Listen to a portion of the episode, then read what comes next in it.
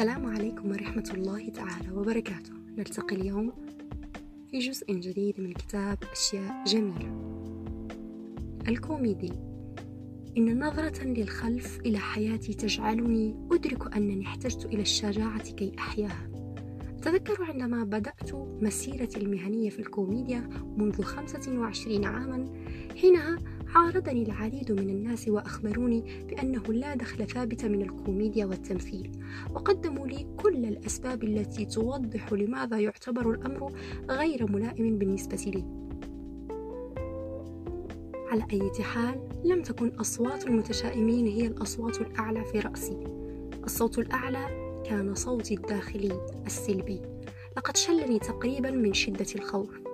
أتذكر دائما عندما أخبرت أصدقائي بأنني أرغب بأن أصبح كوميديا لقد ضحكوا جميعا.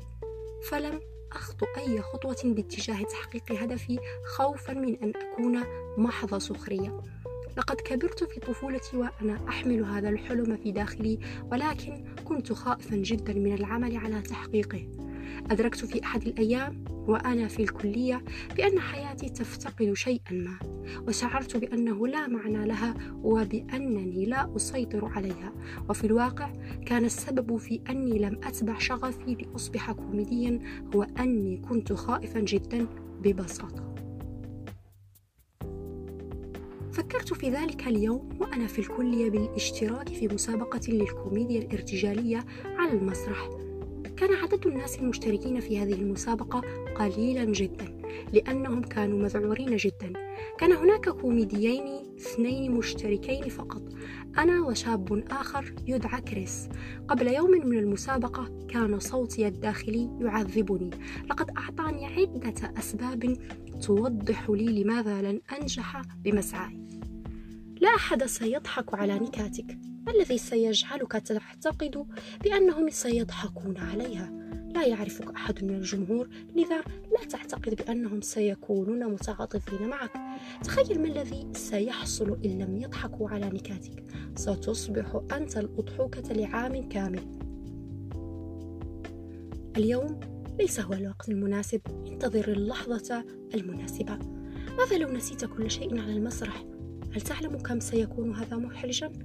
ووجدت نفسي في صراع مع نفسي وقلت علي أن أفعل ذلك. أجابني صوتي الداخلي برعب. حسنا امضي في طريقك ولا تقل بأني لم أحذرك.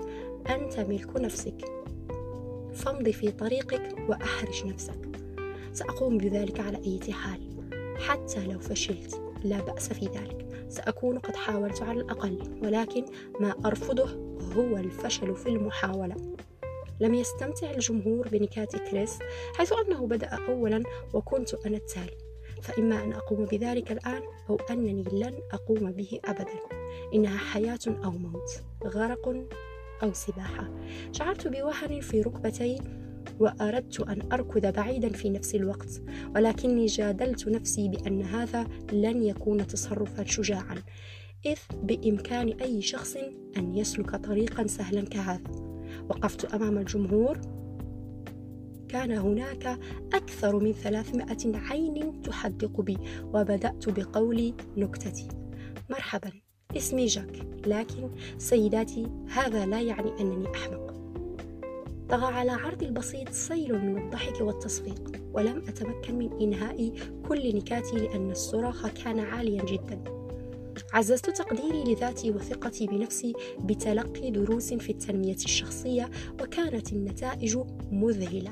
لقد آمنت بنفسي واستغرقت ستة أشهر فقط قبل أن أصبح الناطق الرسمي في جمعية الكوميديين الوطنية.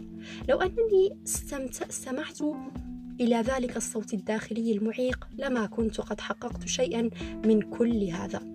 أعتقد بأن الشخص الوحيد الذي يمكنه أن يمنعك من تحقيق أحلامك هو أنت فربما صوتك الداخلي هو من يسألك ما الذي يجعلك تعتقد بأنه بإمكانك فتح هذا المشروع؟ ما الذي يجعلك تعتقد أنه بإمكانك أن تصبح ممثلا مهما؟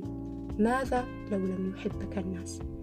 امض قدما وقم بما تريد لما الانتظار لا تدع صوتك الداخلي يمنعك من أن تحول أحلامك إلى حقيقة.